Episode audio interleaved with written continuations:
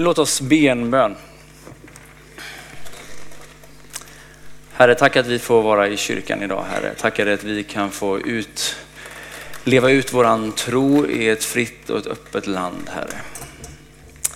Jesus, du ser våra, våran längtan den här morgonen, Herre, efter att få höra någonting ifrån dig, Herre.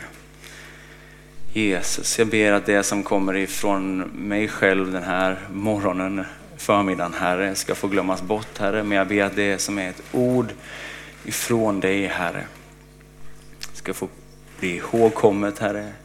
Ska få bära frukt, ge liv, Herre. I Jesu namn. Amen. Vad härligt att se er så sommarklädda som alla är. För en vecka sedan så var jag tillsammans med teamet här i kyrkan i London på Alfas ledarkonferens några dagar. Vi hade också tid att besöka lite olika eh, församlingar i London och eh, det var en sån otrolig påfyllnad för mig. Jag känner att jag har fått så mycket kraft och inspiration ifrån den här resan. Så jag åkte hem med ett stort leende på läpparna. Sen har jag också en vecka i bagaget som jag bara känner har varit lite uttröttande emotionellt. Jag vet inte riktigt varför jag sitter och berättar, men, jag gör det ändå. Jag har liksom den här eh, dubbelheten i min kropp just nu. Eh, någon av er kanske känner igen den här när man känner sig påfylld och inspirerad och samtidigt bara lite tom. Du får gärna vara med och liksom bara be en bön i bänken under den här predikan. Jag ska predika över Galaterbrevet kapitel 5. Det här är ett av mina absoluta favoritbibelställen. Ett av mina absoluta favoritkapitel i hela bibeln. Och här så talar Paulus om kampen mellan ande och kött Lite mer om det om en stund. Men framför allt så utmanar han och uppmanar han galaterna till att vandra i anden. Gång på gång påminner han dem, låt er gå en andlig väg. Men ni som har fått anden, flera tillfällen ger han sådana eh, liknande uppmaningar i den text som vi snart ska läsa. Låt mig ta den liksom utmaningen bara lite in i vår egen tid. Jag tror att det är väldigt enkelt att tänka att på 1500-talet någon gång, då var alla kristna. Och sen dess så har det bara gått sakta neråt och färre och färre har blivit kristna. Om man bara läser lite liksom väckelsehistoria så inser man att det där är inte sant. Det är en myt. Det är mycket mer troligt att det har gått i vågor. Det har funnits tider av andlig torka och det har kommit tider av andlig förnyelse. Tänk er en bild av tidvatten. Ni vet, helt plötsligt så går vattnet ut och stränderna liksom blottar sig. Man ser den nakna liksom havsbottnen. Jag tror att det är en, en ganska bra bild av var vi liksom befinner oss just nu. Läser vi på nyheterna så går det inte en vecka utan att det är en kyrklig liksom ledare som har fallit. Vem kan man egentligen lita på? Vi läser om stora församlingar i Sverige som inte kan hitta pastorer. Vi läser om små församlingar som får läggas ner havsbottnen är på något sätt blottad. Men efter ebb så kommer också flod. Vattnet fyller på på nytt och fyller stränderna. Och på ett sätt tänker jag, det är det vi, vi ser redan nu om vi höjer våran blick ut i världen. Vi kanske inte ser det liksom i Sollentuna eller i våran liksom del av världen just nu, men tittar vi söderut, Afrika, Syrien, Sydamerika, Kina så liksom växer ju församlingar så det bara knakar. Vi lever i en liksom, återvitalisering av kyrkan, en väckelse om du så vill, redan idag. I Bibelns allra första meningar så beskrivs jorden som att vara i ett läge av kaos. Jorden är formlös, det är mörker, det är vatten, det är formlöst kaos. Och sen i andra meningen så blåser gudsvinden ut över allt detta. Anden, roach, hovrar, svävar över jorden. Och vi lever, tänker jag, i en tid som är oerhört komplex. Vi har så mycket information som bara strömmar in över oss, som gör anspråk på varenda minut, varenda sekund av våra liv. Hur ska man förhålla sig i ett samhälle som varken har dygder eller någon nåd? Identitetspolitik som är upp och ner. En marknad som bara gynnar de absolut starkaste. Miljöproblem som bara eskalerar, för att inte tala om Ryssland, NATO. Rädslan för AI. Alltså vi lever mitt i ett kaos som antingen kommer att få oss att vilja sluta helt eller bara stoppa huvudet i sanden. Om vi inte ser att detta också är en tid för en helige ande. Det är tid för en andlig förnyelse. Alltså jag tror detta på riktigt. Jag tror inte att det är nostalgi, någon slags längtan hit till något som har varit. Men jag tror den heliga ande vill göra någonting nytt i den tid som du och jag lever i. Så låt oss ta Paulus uppmaning på allvar. Låt oss vandra i anden. Om du har en bibel nu, följ med mig till Galaterbrevet kapitel 5.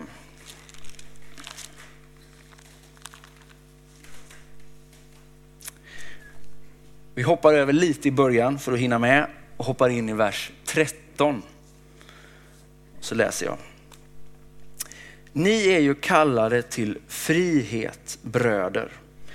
Låt bara inte den friheten ge köttet något tillfälle utan tjäna varandra i kärlek. Hela lagen sammanfattas i detta enda bud. Du ska älska din nästa som dig själv. Men om ni biter och sliter i varandra är det fara värt att ni gör slut på varandra. Nej, säger jag, låt er ande leda er. Så ger ni aldrig efter för köttets begär. Köttet är fiende till anden och anden till köttet. De två ligger i strid så att ni inte kan göra det ni vill. Men om anden får styra er står ni inte längre under lagen. Vad köttet ger är lätt att se. Otukt, orenhet, lidlighet, avguderi, trolldom, fiendeskap, strider, ofördragsamhet, vrede, intriger, splittring, kätterier, maktkamp, dryckenskap, utsvävningar av annat slag. Än en gång varnar jag er, det som gör sig skyldiga till sådant ska inte få del i Guds rike. Men andens frukter är kärlek, glädje, frid, tålamod, vänlighet, godhet, trofasthet, ödmjukhet och självbehärskning. Mot sådant vänder sig inte lagen. De som tillhör Kristus Jesus har korsfäst sitt kött med alla dess lidelser och begär. Om vi har andligt liv, låt oss då följa en andlig väg. Låt oss inte bli inbilskna, inte utmana varandra, inte avundas varandra. Det var dagens textläsning. Köttet är fiende till anden och anden till köttet. Vad är egentligen köttet? Det grekiska ordet är sarx. Kan ni säga? Sarx. Sarx är ett lite så här märkligt ord för det kan betyda lite olika saker. Ungefär som eh, squash. Squash kan vara en frukt. Det är också ett verb för att liksom klämma till någonting ordentligt.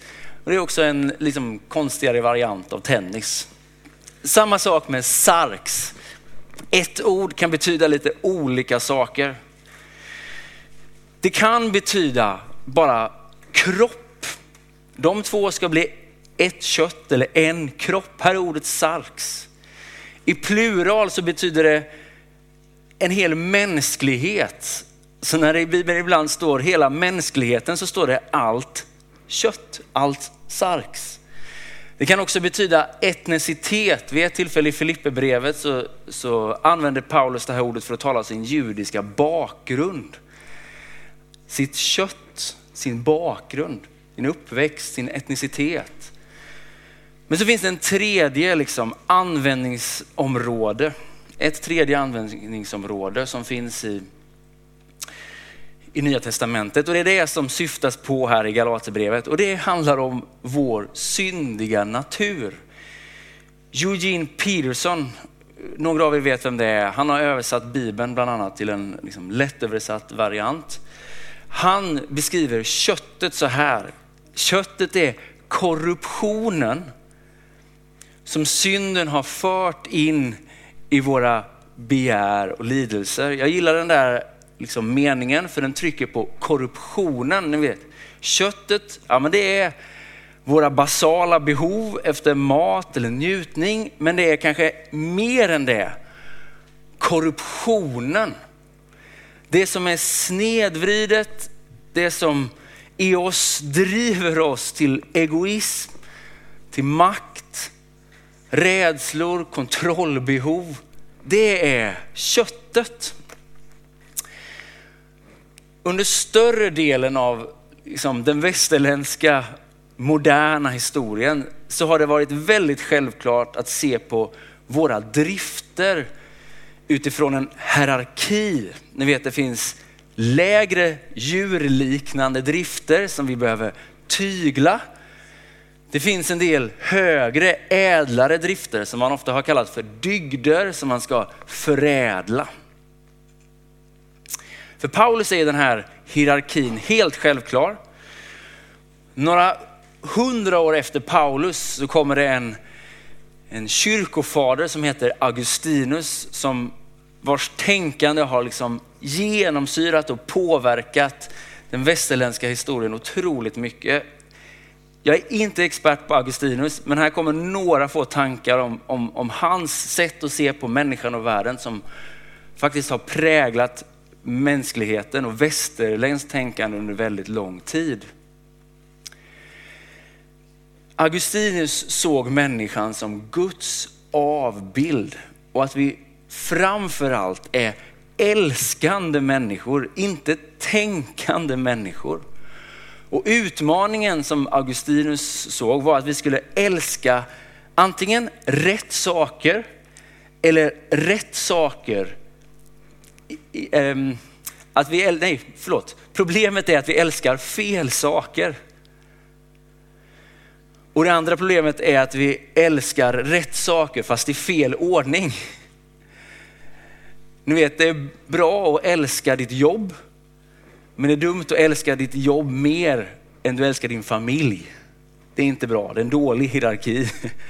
Det är bra att älska dina barn, men om du älskar dina barn mer än Gud, ja men då blir det snett. Så för Paulus är det liksom helt självklart att den här hierarkin finns. Vissa liksom drifter är lägre, de behöver du tygla. Vissa är högre, de behöver du förädla. Det här har varit ganska självklart ungefär fram till slutet på 1800-talet, för det sker ett, ett stort skifte i hur man ser på människan och på våra drifter där. Och väldigt mycket har att göra med en psykoanalytiker som heter Sigmund Freud. Jag är inte heller någon expert på Freud, men här kommer några tankar om hur Freud tänker och han har präglat vårt västerländska sätt att tänka idag. Du är ett djur. Du har överlevt genom historien genom att följa dina drifter. Freud såg all form av liksom psykisk ohälsa som en effekt av att du förtrycker eller har förtryckt dina basala drifter genom de auktoriteter, vanligtvis dina föräldrar runt omkring. Så om människan ska bli fri, ja men då måste människan lämna de här auktoriteterna, bryta sig fri och följa sina djupa basala drifter. Ursäkta för den långa e- genomgången här. Jag ville bara att ni ska se hur troligt olika man har sett.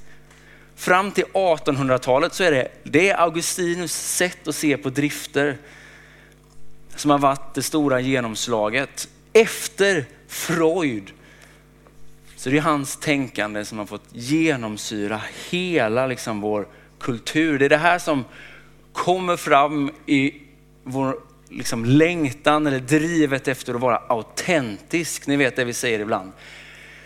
Följ ditt hjärta. Var sann emot dig själv. Satsa på dig nu. Jag tror att vi alla någon gång har slängt oss med de där peppande sakerna. Det där kommer ju från Freud. Problemet blir ju så här, ja men vilken del av mig själv ska jag vara autentisk emot? Börjar man liksom fundera lite så inser man att man är lite smått schizofren ändå. Alltså jag vill leva hälsosamt. Men jag vill också äta max kyckling och korianderburgare tre gånger i veckan. Ja, men alltså jag vill vara givmild. Jag vill vara tacksam för allt det jag har fått. Jag vill också ha den där vårjackan. Jag vill vara en bra pappa, far till mina söner. Jag vill också bara ibland stänga dörren och tänka, Harald och Henry, nu får ni lösa era jobbiga problem. Är ni med? Vi har den här kampen, oavsett om vi erkänner den eller inte, i oss. En del saker behöver vi tygla, en del saker behöver vi förädla om vi ska kunna leva ett gott liv. Två saker vill jag att du ska ta med dig från den här predikan utifrån Galaterbrevet kapitel 5. Det första är att den här kampen mellan ont och gott som vi alla på ett eller annat sätt känner i våra liv, i våra kroppar, den vinner du inte enbart i viljekraft. Då hade Paulus riffat på viljan, ta tag i det här nu. Peppa dig själv, baxa dig själv igenom det här. Det gör han inte. Paulus riffar på gång på gång på gång i det här stycket att du behöver vandra tillsammans med den helige ande.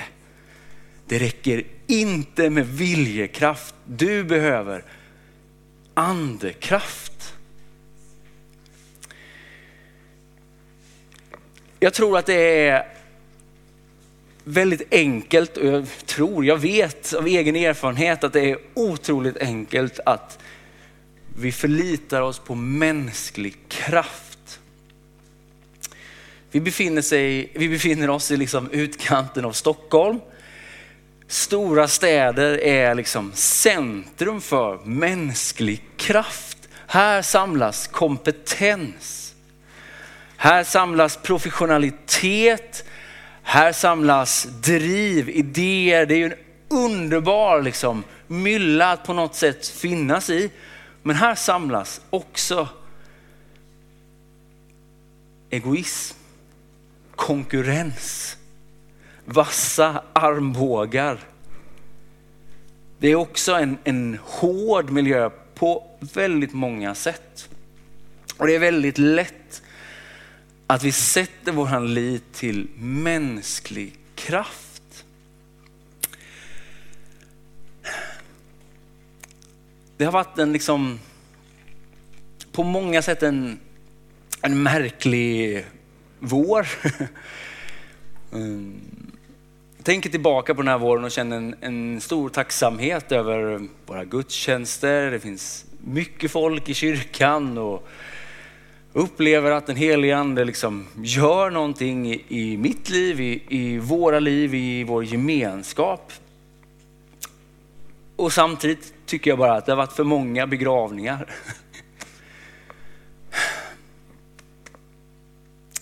Det har varit liksom vänner i vår närhet. Som är mitt i livet. Som har familj och barn.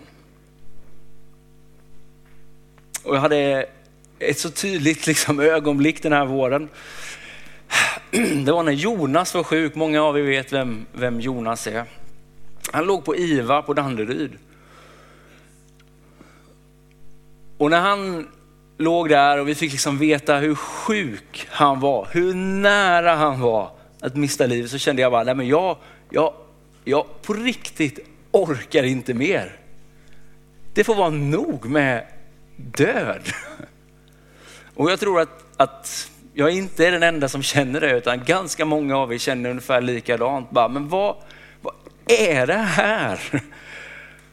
Och det är en känsla tycker jag av att man är på något sätt vid vägs ände i sin egen kraft. Jag vill bara säga det, jag tror att det finns en del här inne som är precis där, men jag är vid vägs ände.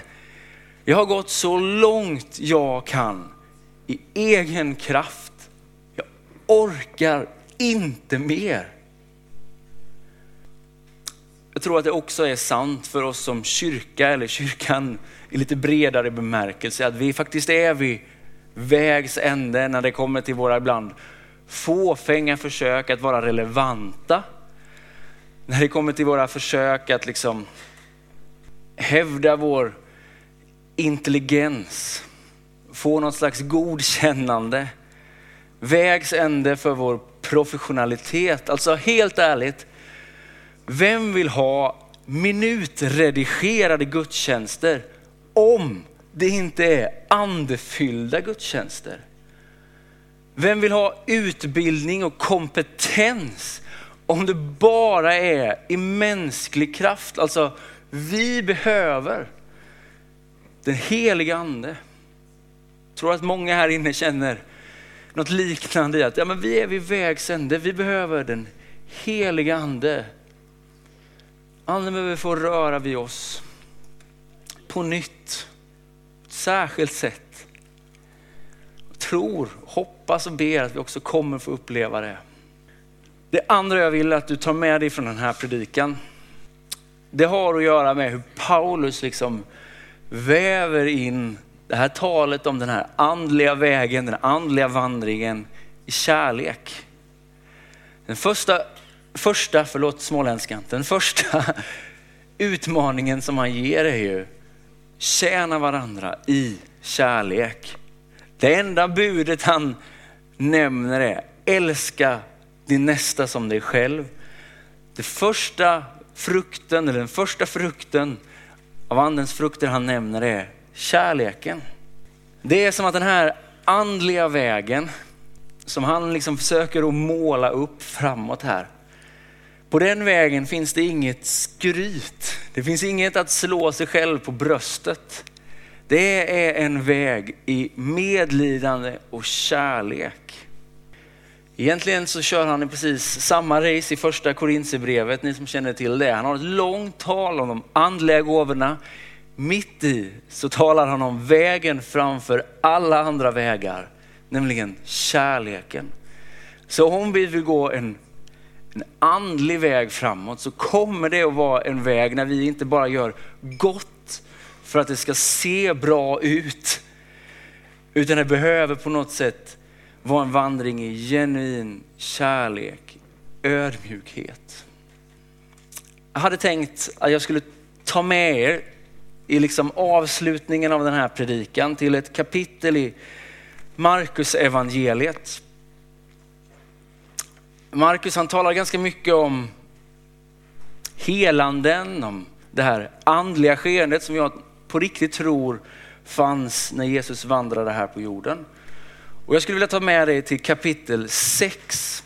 Det kommer inte komma på någon skärm här bak. Har du en bibel får du gärna liksom slå upp Markus kapitel 6 och bara följa med i den här storyn. Slutet, eller liksom kärnan i det vill jag säga är en väldigt märklig händelse. Jesus tar fem bröd, två fiskar, han lyfter upp det tittar upp mot himlen, ber och tackar och delar ut det till folket som fanns runt, om, runt omkring. Och de här fem bröden, de här två fiskarna räcker till 5000. Nytestamentligt räknat, man räknade inte kvinnor och barn då, det var säkert 10-15 tusen människor som de här fem bröden och de två fiskarna räckte till. Det här är mitt i ett andligt skeende, det är det jag vill poängtera. Och det finns en del saker som, som sker och som är intressanta fram till den här händelsen som jag skulle vilja belysa. Det första som händer i Markus kapitel 6, det är att Jesus är i sin hemstad och han predikar i synagogan. Och människorna runt omkring dem häpnar. Vad är det här? Och då ska man tänka att det här är ändå människor som lever liksom innan vår tids underhållning. Ingen Netflix, ingen mobil, men de har hört en och annan bra predikan tror jag. De kan sin Torah, de har hört en del grymma predikningar i sina dagar. Men när Jesus träder in i synagogan, då tappar de hakan. Då är det inte ord, det är inte utläggning, det är ande över det.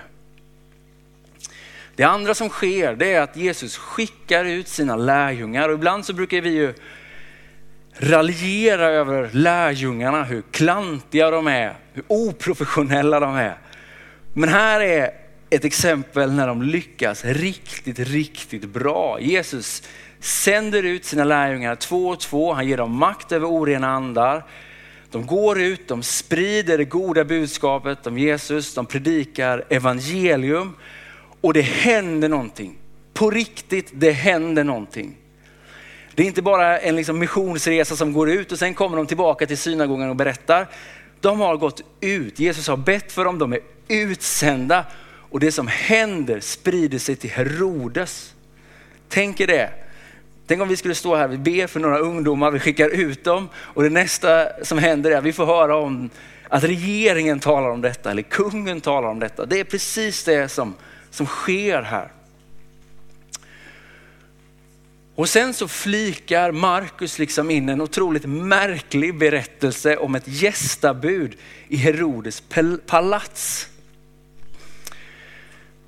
Och det här gästabudet är ett gästabud som på minst sagt ballar ur.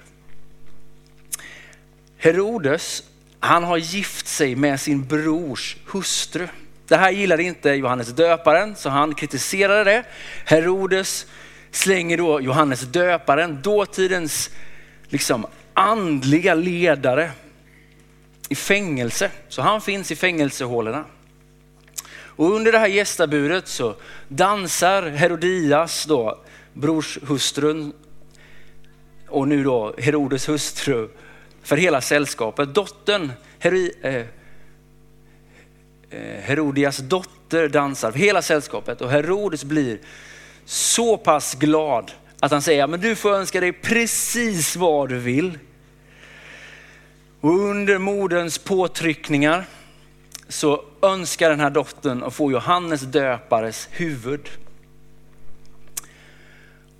Och Herodes känner sig tvingad till att slutföra sin önskan och hålla sitt ord. Så mitt i det här gästabudet så bärs Johannes huvud in på ett fat till den här flickan. Alltså förstår ni hur absurt detta är? Här har vi kaos, omoral, mitt i det här liksom andliga skeendet. Så kommer lärjungarna tillbaka till Jesus efter, sina, liksom, efter sin success, efter sina, sin liksom lyckade missionsresa så kommer de tillbaka till Jesus och Jesus säger, ja, men kom nu, följ med mig. Nu behöver ni sabbat, ni behöver vila. De sätter sig i båten, de åker över Genesarets sjö för att liksom vila, fylla på på nytt, hämta ny kraft. Men när de kommer över sjön så har allt folket hittat dem igen. Folkmassorna är där när båten rullar in. Och då finns det någonting som jag tänker är så intressant här. Det är att Jesus fylls av medlidande för de här människorna. Han kunde ha sagt, hörni, vi orkar inte mer. Vi är vid slutet av vår egen kraft. Vi vänder om. Vi åker hem igen. Vi skulle ju vila nu. Men istället så fylls han av medlidande och det står att han predikar för dem. Sen är det sent på kvällen. Då kommer lärjungarna till Jesus och säger, hörni, Jesus, nu har du undervisat alldeles för länge. Den här predikan den var för lång. Ja, någon bara amen. och så talar de liksom utifrån sin egen kompetens. Utifrån sin mänskliga vishet säger de, hörni, kan vi inte bara skicka hem de här människorna nu? Det räcker. På våran liksom missionstripp som vi gjorde, ja, men då höll vi inte så här långa predikningar. Då såg vi till att människor fick mat. Så klagar de för Jesus och Jesus säger bara, men ge dem någonting att äta. Och de är fortfarande liksom kvar i sitt mänskliga tänk här. Ja, men hallå, ska vi gå bort och köpa bröd för 200 denarer? Nej, men det gör vi inte. Så frågar Jesus, men vad, vad är det? Vad har du? Vad har ni? Säger han, vi har, vi har fem, fem bröd, två fiskar. Och Jesus tar de här bröden, han lyfter upp dem. Den här liksom fantastiska mänskliga uppfinningen bröd lyfter han upp. Han tackar Gud och Gud välsignar dem och alla blir mätta. Lärjungarna är ju precis där. De är vid vägs ände för vad de pallar, vad de orkar med. Och det enda Jesus frågar är, men vad, vad har du? Vad har du just nu? Så tar de det. Det som är liksom tecknet för den mänskliga liksom, styrkan, uppfinningarna. Han lyfter upp det och Gud välsignar det, döper dig helig ande och det sker ett mirakel mitt ibland dem. Jag tänker att vi behöver ta det som är våra styrkor, våra begåvningar, våra jobb. Det som är vår mänskliga styrka. Det är inget fel i det. Du behöver inte sluta ditt jobb på måndag. Men jag tror att du och jag, vi behöver ta de där sakerna. Vi behöver höja våra händer. Ge det till Gud. Be Gud. Kom med din heliga ande. Låt inte vårt kött få tillfälle att ta det som du har gett oss av gåvor, av styrkor och göra det till självhävdelse. Till något som tjänar oss. Låt oss få ta det, lyfta upp det. Låt din ande få andas över detta. Låt oss få gå in i en, en ny tid. Där vi får vandra ännu tydligare i din heliga andes kraft. Lovsångsgänget här kan få göra sig redo så ska jag avsluta med en bön här. Herre, du ser oss. Du ser var vi befinner oss just nu, Herre. Du ser den som känner att den befinner sig vid vägs ände. Vid slutet av sina mänskliga resurser, Herre. Du ser den som känner sig stark, Herre. Som har liksom vinster i bagaget, Herre. Hjälp oss, oavsett var vi befinner oss, att ta detta. Gör som Jesus, lyfta upp det. Rikta våran blick till himlen. Be att din heliga ande andas över det som är vår kunskap, vår styrka, Herre. Hjälp oss Herre att inte använda detta i eget syfte Herre. För oss själva, för att bygga plattformar eller lyfta upp oss själva Herre. Utan hjälp oss Herre genom din heliga Andes kraft att se det som en gåva ifrån dig Herre. Låt oss få se uppdraget som du har för oss i vår vardag Herre. Hjälp oss att vandra i den heliga Andes kraft den här veckan som ligger framför oss, Herre. Hjälp oss att liksom se över vår professionalitet eller vår kompetens, Herre. Låt oss få hungra efter din helige Andes kraft. Låt oss få gå ner på knä, Herre. Låt oss få öppna våra hjärtan, Herre, för vad du vill i våra liv. Hjälp oss att vara ödmjuka, Herre. Hjälp oss på att vandra, Herre, i din kärlek, Herre. Hjälp oss att se ditt med, din, liksom, få ta del av din medlidan, Herre. För människor runt omkring oss, Jesus. Jesus, Jesus.